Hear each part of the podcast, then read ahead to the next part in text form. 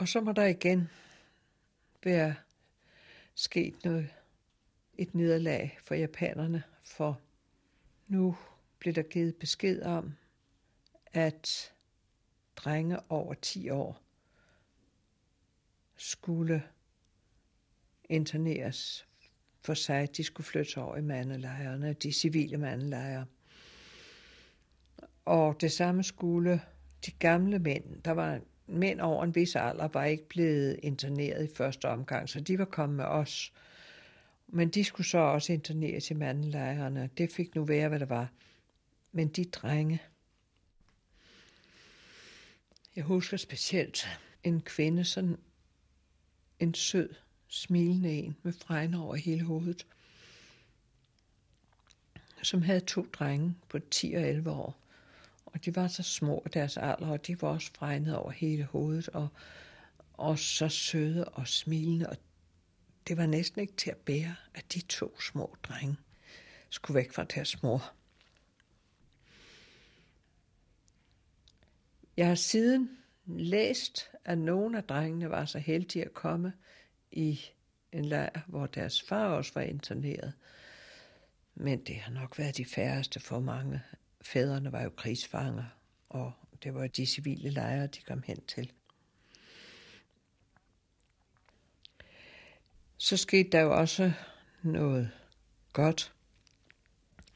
For så fik jeg et par gange kort fra Jan. Det var ikke noget, der var smuglet ud, som brevene var. Det var nogle officielle kort, de havde fået lov til at skrive. Og der stod ikke ret meget i dem, for det var noget, der skulle censureres. Og på et af dem er der også streget en sætning ud, så det er fuldstændig umuligt at se, hvad der står nedenunder. Men jeg kunne læse, at han havde fået et kort, som jeg havde fået lov at sende til ham. Så det var altid noget. Og jeg kunne også læse ud af et af kortene, at Bebladops mand var blevet interneret, og at de havde mødt hinanden. Det vil sige, at han havde kunnet fortælle Jan om, hvad der var sket indtil det tidspunkt, hvor jeg blev interneret.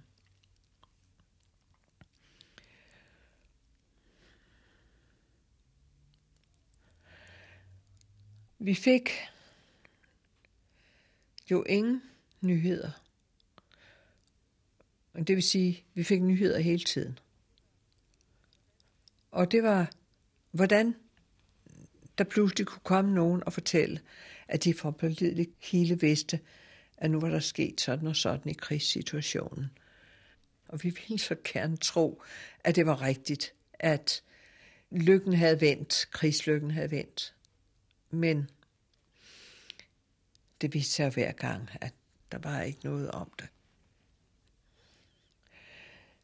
Efter krigen har jeg hørt, hvordan det foregik med de nyheder, vi fik. Og men var der jo nogen, der var rigtige, og efterhånden lærte vi også nok, hvem det var, de rigtige nyheder kom fra. Det var nemlig de mindst optimistiske. Det viste sig, at der var i en anden lejr i Bandung for kvinder. Nogen, der imod alt, hvad der var tilladt, havde beholdt en radio. Og de var naturligvis meget forsigtige med, hvem de gav det videre til. Men så var der nogen, i hvert fald har jeg kendskab til en kinesisk ung mand, som fik kontakt med de kvinder, der havde den radio, og som kravlede gennem kloakkerne og stod op i vores lejr et eller andet sted og gav besked videre til en eller anden. Og sådan kom det altså fra det ene sted til det andet. Men det vi hele tiden længtes efter, det var det udtryk, vi havde for, at når krigen skulle være forbi, det var, når porten går op. Samtidig sagde vi også, når mændene kommer tilbage. Men mest var det, når porten går op. Og jeg tror egentlig, at vi i vores naivitet forestillede os, og så gik vi tilbage til der, hvor vi kom fra, og så blev det hele, som det var engang.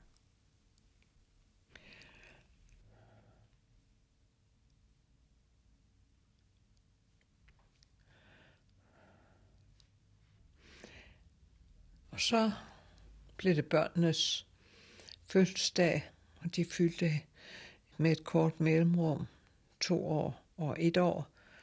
Og, og så var der en yngre kvinde, ja, hun har været på min alder, og hun havde så lavet, og med stor møje besvær, en hel masse tøjdyr til Peter til hans fødselsdag. Sådan køer og griser og ja, de var sådan lidt dårligt stoppet, så de kunne ikke rigtig godt stå. Og de sagde ikke Peter så forfærdeligt meget. Men så var hørt der til en lille bondemand, som en lille kludedukke. Og den blev efterhånden Søsjes ja, eneste og kæreste legetøj. Het buertje, ja. Og, og jeg tror egentlig ikke, de ret godt forstod at lege. Men de gik sammen med hinanden, de to. Øhm, legede egentlig ikke, men gik sammen, var sammen hele tiden. Og der var en anden lille dreng på omtrent samme alder i huset. Men ham havde de heller ikke noget med at gøre. De holdt hele tiden kun sammen med hinanden. Og det kan jeg ikke give anden forklaring på, end at sådan var det også med andre børn. Sådan var det med alle børnene. De holdt til ved deres mødre og havde ikke noget med hinanden at gøre. Men der var en lille positiv ting, som jeg husker, jeg gjorde for mine børn. Og det var, at en gang imellem, når de var kommet i seng, så satte jeg mig på min seng og lagde armene på Peters kravlegård, og så fortalte jeg historien om den lille røde Så dramatisk som jeg nu kunne, og Peter forstod det udmærket godt, så jeg kunne ikke forstå det, for det var hun for lille til, men hun forstod jo alligevel, at, at vi havde det hyggeligt, ikke? og kunne forstå den der øh, stigen og dalen i talestrømmen. Og hvorfor jeg aldrig fandt på at fortælle andre eventyr end det, det ved jeg ikke, men det var altid den lille rødhed, jeg fortalte.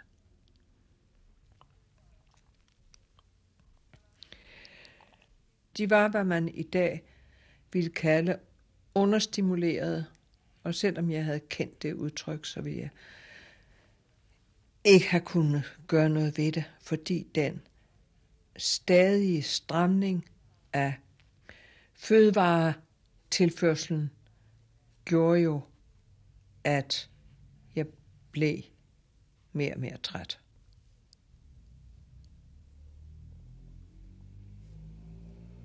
Vi fik jo ris, som var stedets grundfødemiddel. Og nogle grøntsager, nogle krydderier. En gang imellem lidt kød. Øh, samtidig kunne det ske, de gik rundt der og, og sagde, at vi skulle hente kød klokken 8 om aftenen, hvor det var bælmørkt. Og på det sted kunne kødet ikke holde sig fra kl. 8 om aftenen til den næste morgen. Så måtte vi alle sammen i gang med vores små øh, trækulsbækner og stege eller koge kødet, og så stod man der i bælmørk og så de små bål rundt omkring, indtil man var færdig med at koge det eller stege det, eller altså få det præpareret, så det kunne holde sig til den næste dag.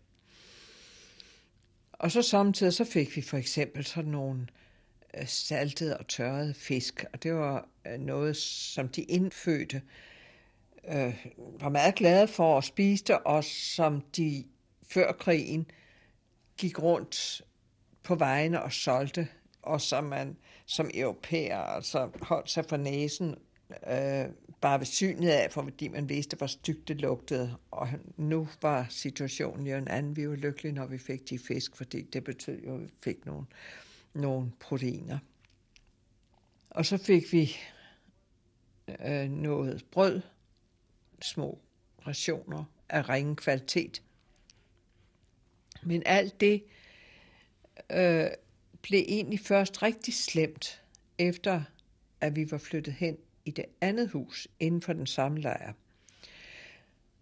Det var, mens vi var der, det var i september 43, at den virkelig forringelse i madsituationen begyndte, og hvor de også tog mælken fra de mindste børn.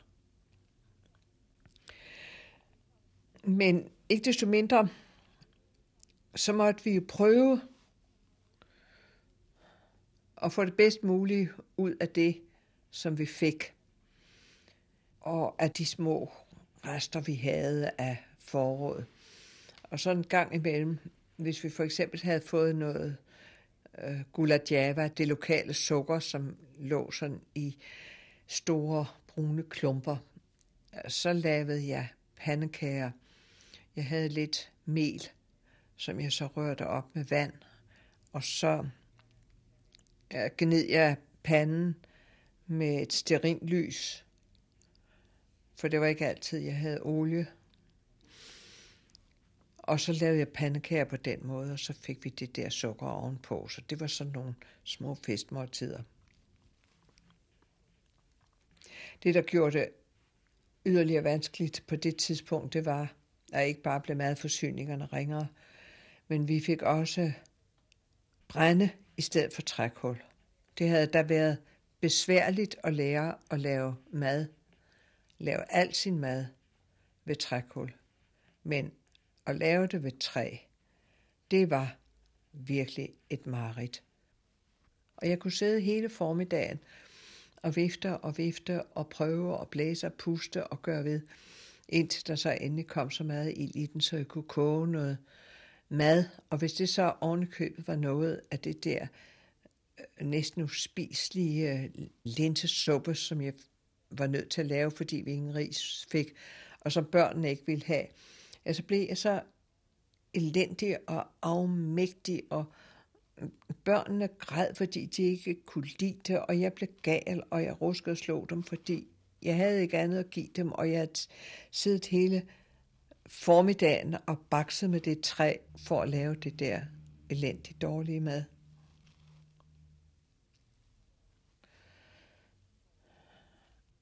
Vores menstruation holdt op, sådan så for den ene, så for den anden. Og det har vel været kroppens forsvar, selvforsvar, at den måtte koncentrere sig om at overleve og ikke om at reproducere.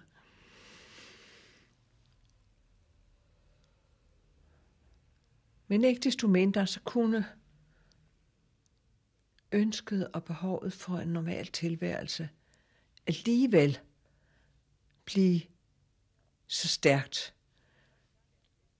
Så en gang, der åbnede jeg en dåse laks, som jeg havde, og jeg lånte en lille bordlampe og flyttede mit bord ud på galleriet om aftenen, og havde så inviteret to øh, lærerkoner fra øh, til at komme og spise hos mig, når børnene var lagt i seng. Og der sad vi så og spiste laks ved lampeskæret derude og øh, snakkede og sludrede. Og de andre beboere i huset syntes vist, at det var lidt mærkeligt. Og jeg sagde så til dem, ja, de to der, de havde gjort så meget for mig. Men det havde de faktisk slet ikke. Det var ønsket om at, at gøre noget normalt. Det, vi sad og sludrede om, det var jo de gamle dage i Bøjdensår før krigen, og de andre, som vi havde kendt, og hvor Dinemund var henne og sådan noget, om de følelser, vi havde, talte vi ikke. Og vi talte ikke om angsten for man måtte jo ikke smitte hinanden med angst, og man måtte ikke være defetist. Og de andre må have haft den, ligesom jeg. En diffus angst for, hvordan dette her skulle ende, hvor længe det skulle vare, hvor meget vi skulle stå igennem. Man skulle blive ved at tro. Den angst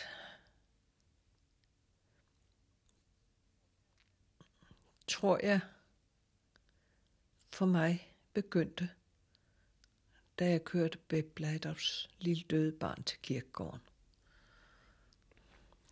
Og den blev ved i al den tid.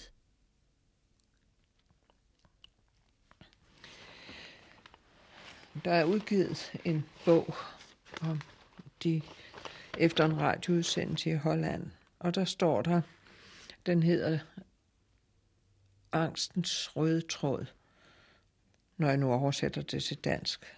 Og det er efter et digt, der vil stedse være en tomhed i mig, en mørk krog, en tråd af angst flettet igennem livet. Og sådan var det for os.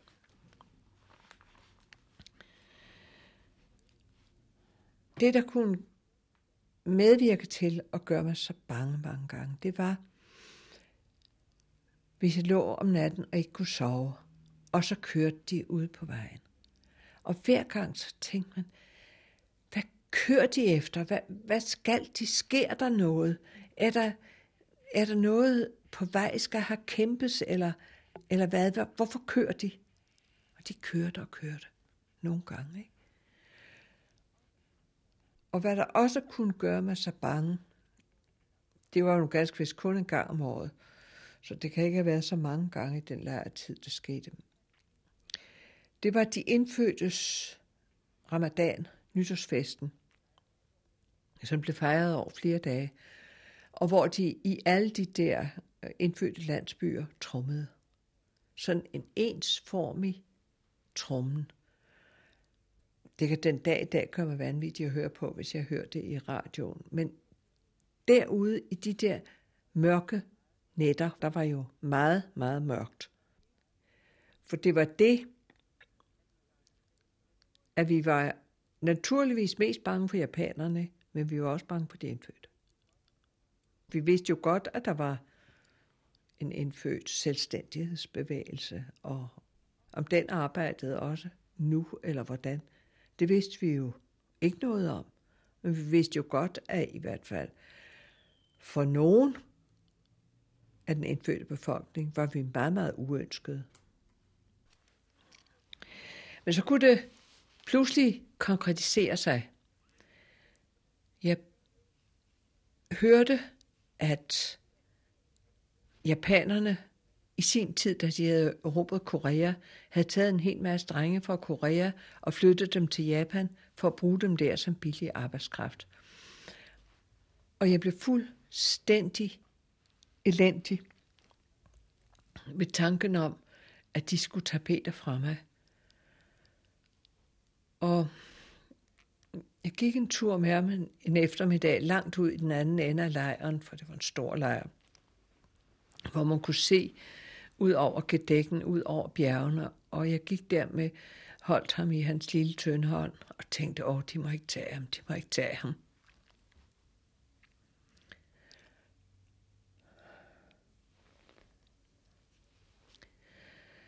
Men den konkrete angst, den kunne jeg godt tale med nogen om. Og det fik jeg også gjort, og, og de fik mig da så også snakket fra det. Men han gav anledning Peter til mange bekymringer, fordi han blev ved med at have den diarré. Og på et givet tidspunkt så sagde dr. Damsted, den kvindelige læge, som jeg øh, konsulterede, når der var noget, at de måtte hellere få ham ind på sygehuset og, og se, om de kunne finde ud af noget. Men de fandt ikke ud af noget. Det var simpelthen underernæring, fejlernæring. Så blev jeg selv syg og fik difteritis. Og så blev jeg indlagt på sygehuset og isoleret i sådan der allerbæreste lille oplagsrum, sådan ligesom et lille bit pulterkammer ved siden af køkkenet. Og jeg, jeg ved jeg synes, jeg lå der endeløst længere. Jeg savnede mine børn. Dem passede de hjemme i huset. Og jeg lå ved siden af det køkken, og hver eftermiddag, så fik de på det sygehus en lille bitte ekstra ration. Og så stod sygeplejerskerne der og diskuterede, hvem af de indlagte, der skulle have noget i dag at det kunne måske blive til en deciliter mælk, eller en halv deciliter, eller sådan et eller andet.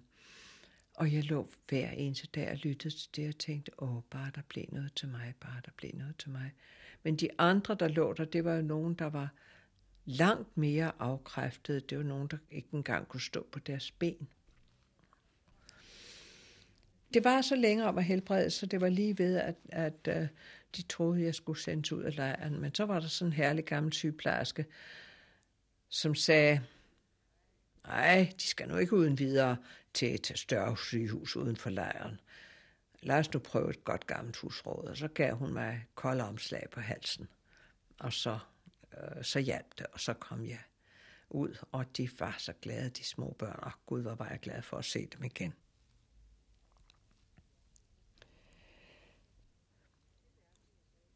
Det værelse, jeg havde i huset her, var endnu mere pakket, end det havde været i det foregående. For der havde jeg haft øh, det der aktergalleri udenfor, som jeg, hvor jeg kunne have mit bord og stole stående. Her skulle jeg have det hele inde på værelset. Og så havde jeg på bordet, der havde jeg to portrætter af mine forældre stående, som jeg så, når jeg tør støv af, kiggede på og tænkte på. Og på væggen, der havde jeg nogle fotografier fra mit fotografialbum. Et klassebillede fra min skoleklasse på Tostrup Realskole, hvor jeg holdt meget af at gå. Og ja, så havde jeg jo i hvert fald billedet af Jan og mig på vej ud af rådhuset på den lykkelige dag, hvor vi giftede os. Jeg tror også, jeg havde et billede af Stærvagt i lejden, hvor vi havde truffet hinanden. Ja.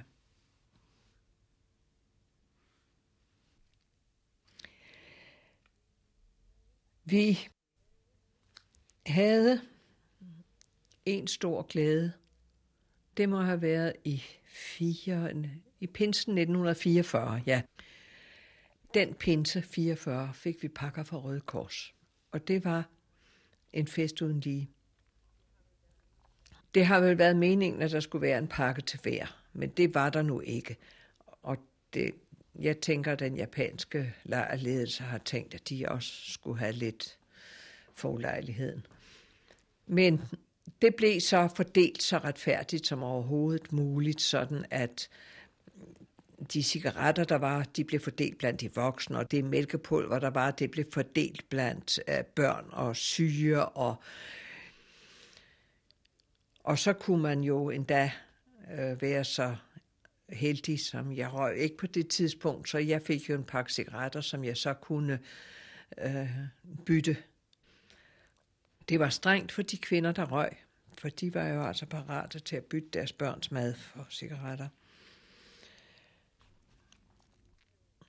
der gik jo rygter hele tiden. Med jævne mellemrum blev det sagt, nu er det slut med at lave mad selv, nu skal vi have maden fra et fælles køkken. Og vi protesterede, vi protesterede, trods besværet med det der træ. Så ville vi alligevel hellere det, fordi vi kunne gøre det lidt personligt. Vi havde måske lidt krydderier, vi kunne komme i. Vi havde måske lidt, vi kunne forbedre det med. Vi havde lidt i vores skabe, som vi forestillede os gjorde det bare en lille smule bedre, end det ville blive, hvis det blev lavet i et fælles køkken. Sådan gik det også. Vi fik lov til at, at gøre det med alt det besvær, det indebar. Så gik der også regelmæssigt rygter om, at vi skulle på transport, altså flytte til et andet sted hen. Og jeg kunne blive helt desperat ved tanken om en gang til at skulle afsted. Men det blev så til gengæld til virkelighed. Et skønt øjeblik kom der besked om, at om en uge skulle vi afsted.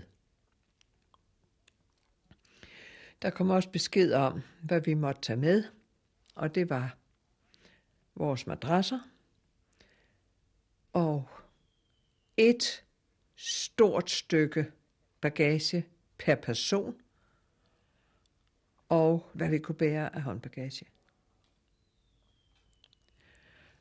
Og det var jo stadigvæk tøj, der var vigtigt.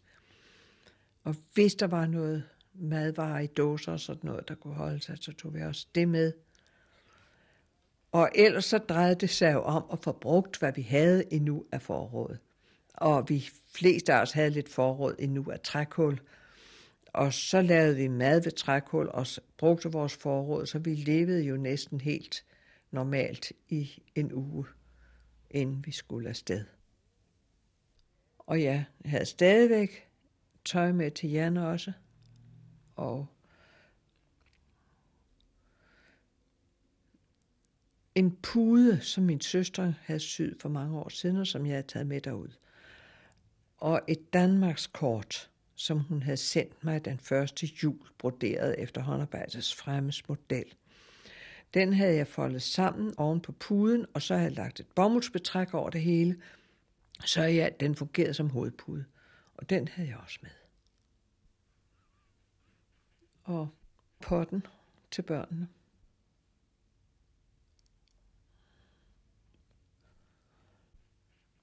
Og så skulle vi møde ved porten klokken to. Og hvad vi ellers havde haft i den lejr det efterlod vi, ligesom vi havde efterladt vores hjem, da vi blev interneret. Og hvad der nogensinde er blevet af vores ting her og der, ja, det ved jeg ikke.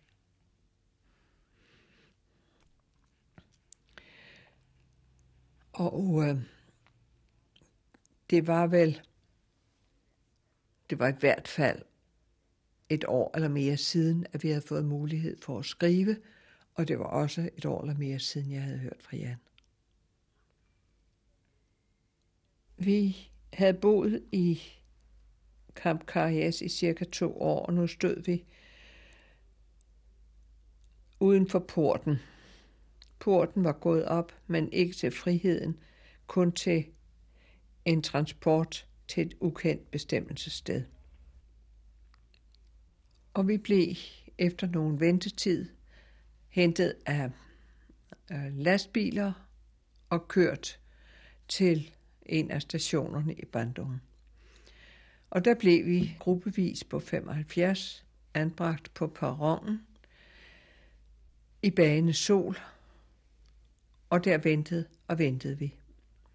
De syge fra sygehuset, som ikke kunne stå på deres ben, måtte ligge på den bare perron.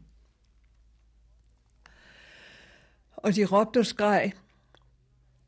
I det hele taget var det mærkværdigt, som de japanere altid råbte og skreg. Men om sider var de da tilfredse, og vi blev låset ind i togene, der havde stået med lukkede vinduer i banen sol foran os hele tiden. Om sider satte toget sig i gang og rangerede noget frem og tilbage, og det var jo efterhånden blevet mørkt, og vi kørte uden at ane, hvor vi skulle hen, og vi stansede mange gange jeg sad med Peter på skødet, og en af de andre kvinder, som jeg nu kendte så godt fra huset i Karies, sad med søsje på skødet. Og børnene faldt i søvn, og vi andre faldt vel også lidt hen ind imellem. Vi mærkede, at det blev varmere, og forstod, at vi var kommet nærmere til kysten og længere ned ad bjergene, og en af de andre kvinder viskede til mig, bare vi ikke skal til Batavia. som Jakarta hed dengang, for hun troede ikke, hun kunne tåle den varme. Så blev det morgen, og for første gang i to år så vi det smukke javanske landskab med rismarkerne palmerne, de indfødtes landsbyer, solen, der stod op over bjergene. Og til sidst holdt toget, og vi blev gennet ud på stationen i Bøjdensår. Så kom der igen nogle lastbiler, og vi blev gennet op på de åbne lad og kørt til bydelen Kotapais, netop den bydel, hvor vi havde boet, da vi først fik et hjem i Bøjdensår, og det hus, vi kom til at øh, flytte ind i, hvis man kan kalde det sådan, det lå lige ved siden af vores første hjem.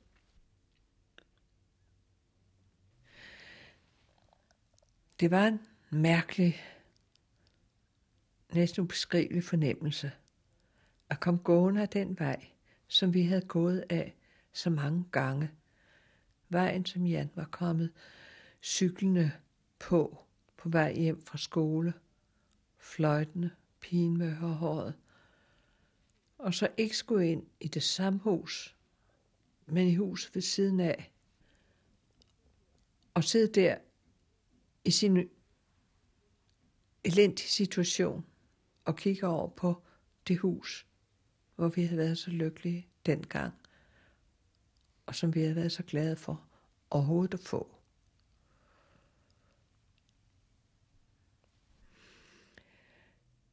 Der var ikke noget med, at hver familie fik et værelse. Vi blev syv mennesker i et værelse, og vi var forholdsvis hurtige fremme ved det hus, som vi skulle ind i, og derfor kunne jeg, som jo kendte lokaliteterne, udvælge det værelse, jeg synes var det bedste. Og der boede jeg så med mine to børn, med to af de kvinder, jeg kendte fra Karriere, og havde boet i hus sammen med. Den enes syvårige dreng og en ældre kvinde, som jeg ikke havde haft forbindelse med før. Vi havde vores madrasser og vores kufferter, og ikke andet. Der var i øvrigt heller ikke plads til andet. Men man lærte jo at klare sig. Vi stablede madrasserne oven på hinanden om dagen, så vi havde noget at sidde på. Kufferterne måtte jo stå oven på hinanden, så det var svært at få fat i de ting, man skulle bruge. Og så var der nogen, der fandt på, hvis de havde en du med servietter. Det var jo de tekstiler, vi hele tiden prøvede at, at tage med os, som det, der var af værdi for os. Så kunne man øh, sy øh, servietterne med et lille læg på duen som lommer, og i dem kunne man have mm, spisebestikker, undertøj og nattøj, sådan at det var nemt at komme til. Og da den første havde fundet på det, så gjorde vi jo alle sammen lige sådan. Her måtte vi ikke lave mad selv. Vi fik det fra et fælles køkken, og det var sparsom og meget dårlig mad. Vi måtte øh, heller ikke, selvom vi kunne skrabe nogle pinde eller noget sammen, lave et lille bål et eller andet sted, og for eksempel koge vand til te eller noget som helst. Der var nogen, der naturligvis prøvede alligevel, og det blev straks opdaget. Og de skulle så stå i solen som straf. Jeg kan ikke huske, om de fik en bestemt tid at stå i, eller om de bare stod, til de faldt om. Jeg tror, det kan være svært at forstå, hvor barsk det var med den sol dernede. Vi boede ikke ret meget syd for ekvator, det vil sige, at solen stod lige lodret ned i hovedet på os, og det var meget ubarmhjertigt. Det var en slem straf at få. Der var nogen, der supplerede deres mad på specielle måder. Det blev på et tidspunkt sæson for de flyvende myrer.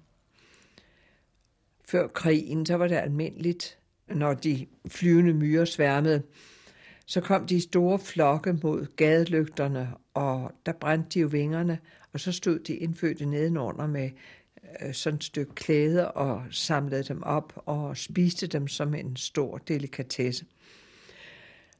Her var der jo ingen gadelygter, så hvordan de egentlig fik fat på dem, det, det ved jeg ikke. Øh, men der er jo ingen tvivl om, at øh, de, der kunne få sig til det, de fik et meget godt tilskud. For at give os, hvad skal jeg sige, et lille pift, så var, fandt vi på, at det kogende vand, vi fik til at lave te af, det kunne vi også bruge til at lave en slags bouillon af ved hjælp af karipulver. Hvis vi havde noget karipulver, så kom vi kogende vand på og drak det. Og det synes vi var så herligt, så vi øh, sagde til os selv, at det ville vi sandelig også gøre i fredstid, for det var så udmærket. En gang havde vi fået noget ekstra krydderi, det de kaldte sambal ulek, som er de der meget stærke små røde peber moset ud. Og jeg havde den i et lille glas, og det var rasende stærkt. Og så opdagede jeg pludselig, at Peter stod og havde spist på en gang indholdet af næsten hele glasset. Jeg blev ikke vred på ham, men jeg blev helt forfærdet over, at han var i et sådan underskud, at han kunne få det brændende stærke stas ned i sig. Det var ikke nogen stor lejr, men den var, kan man nok forestille sig, med den øh, tæthed, værelserne var befolket med, meget fuld.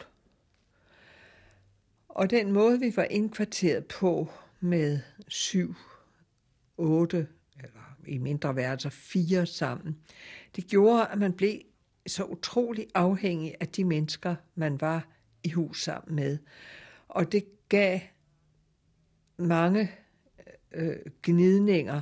Der var kvinder med et eller to børn, der boede sammen, og som kunne holde hinanden så lidt ud, så de skiftedes til at gå med deres børn en time ad gangen og være i værelset en time ad gangen.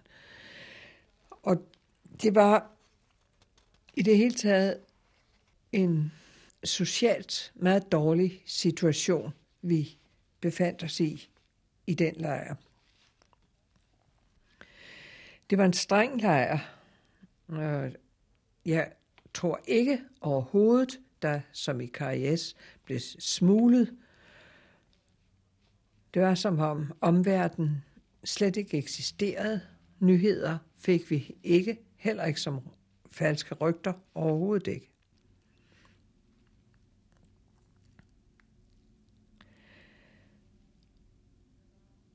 Der var et virkelig lyspunkt for mig i den lejr. Det var en af de andre lærerkoner fra skolen i år, som også havde været i KIS. Hun havde ingen børn, og hun havde altid været en ivrig bridge-spiller, og hun fandt nu på, at hun ville give undervisning i bridge. Og hun spurgte så mig, om jeg ville være med, og det ville jeg gerne, og så fandt hun tre andre. Og så mødtes vi hos hende, og så havde hun stillet an med et par kufferter oven på hinanden, og vi sad på gulvet, og slavede hun af de midler, hun nu havde til rådighed, et meget fint lille hæfte med de der Colbertson-regler, og gav os så undervisning i øh, spillets regler. Jeg, øh, jeg glædede mig hver eneste gang, jeg skulle derhen, og vi skulle sidde der og koncentrere os om de kort og de regler, og være lidt væk fra al elendigheden.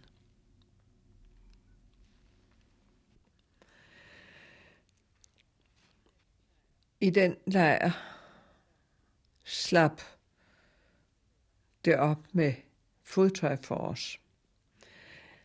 Fordi øh, i hvert fald nogle af de penge, en del af de penge, jeg havde lånt af kontoen i Bandung, havde jeg købt sko til Peter, det kunne man endnu på det tidspunkt, sådan at der var flere størrelser, så han kunne vokse til flere nye sko, og så kunne Søsje jo arve de andre. Og nu var han så nået og til at vokse ud af det største af de par sko. Og så gik de med bare fødder. Jeg havde heller ikke selv sko mere. Det eneste, jeg havde, det var de sandaler, jeg havde gemt til Jan, når han kom hjem. De var selvfølgelig for store til mig, men dem gik jeg så øh, alligevel rundt i. Det blev jul, og jeg havde som mand stadigvæk taget lidt julepynt med, og nogle grene var der naturligvis i haverne, som man kunne plukke af, så vi kunne lave et lille juletræ. Og vi havde også, de to arter i hvert fald, et par dåser, som vi kunne lukke op, så vi fik i fællesskab, vi syv, et lille beskeden julemåltid. Og en af dem kendte en, der havde en elektrisk kogeplade. Det var naturligvis også strengt forbudt at bruge sådan en, men hun fik alligevel lov at låne den. Og da jeg vågnede nytårsmorgen, så var det første, jeg hørte, det var lyden af vandet, der kogte på den der kogeplade. Vandet til morgenkaffe. Og det var som sådan et godt varsel. Jeg tænkte, det må betyde noget godt for det år 1945, som vi nu går ind i.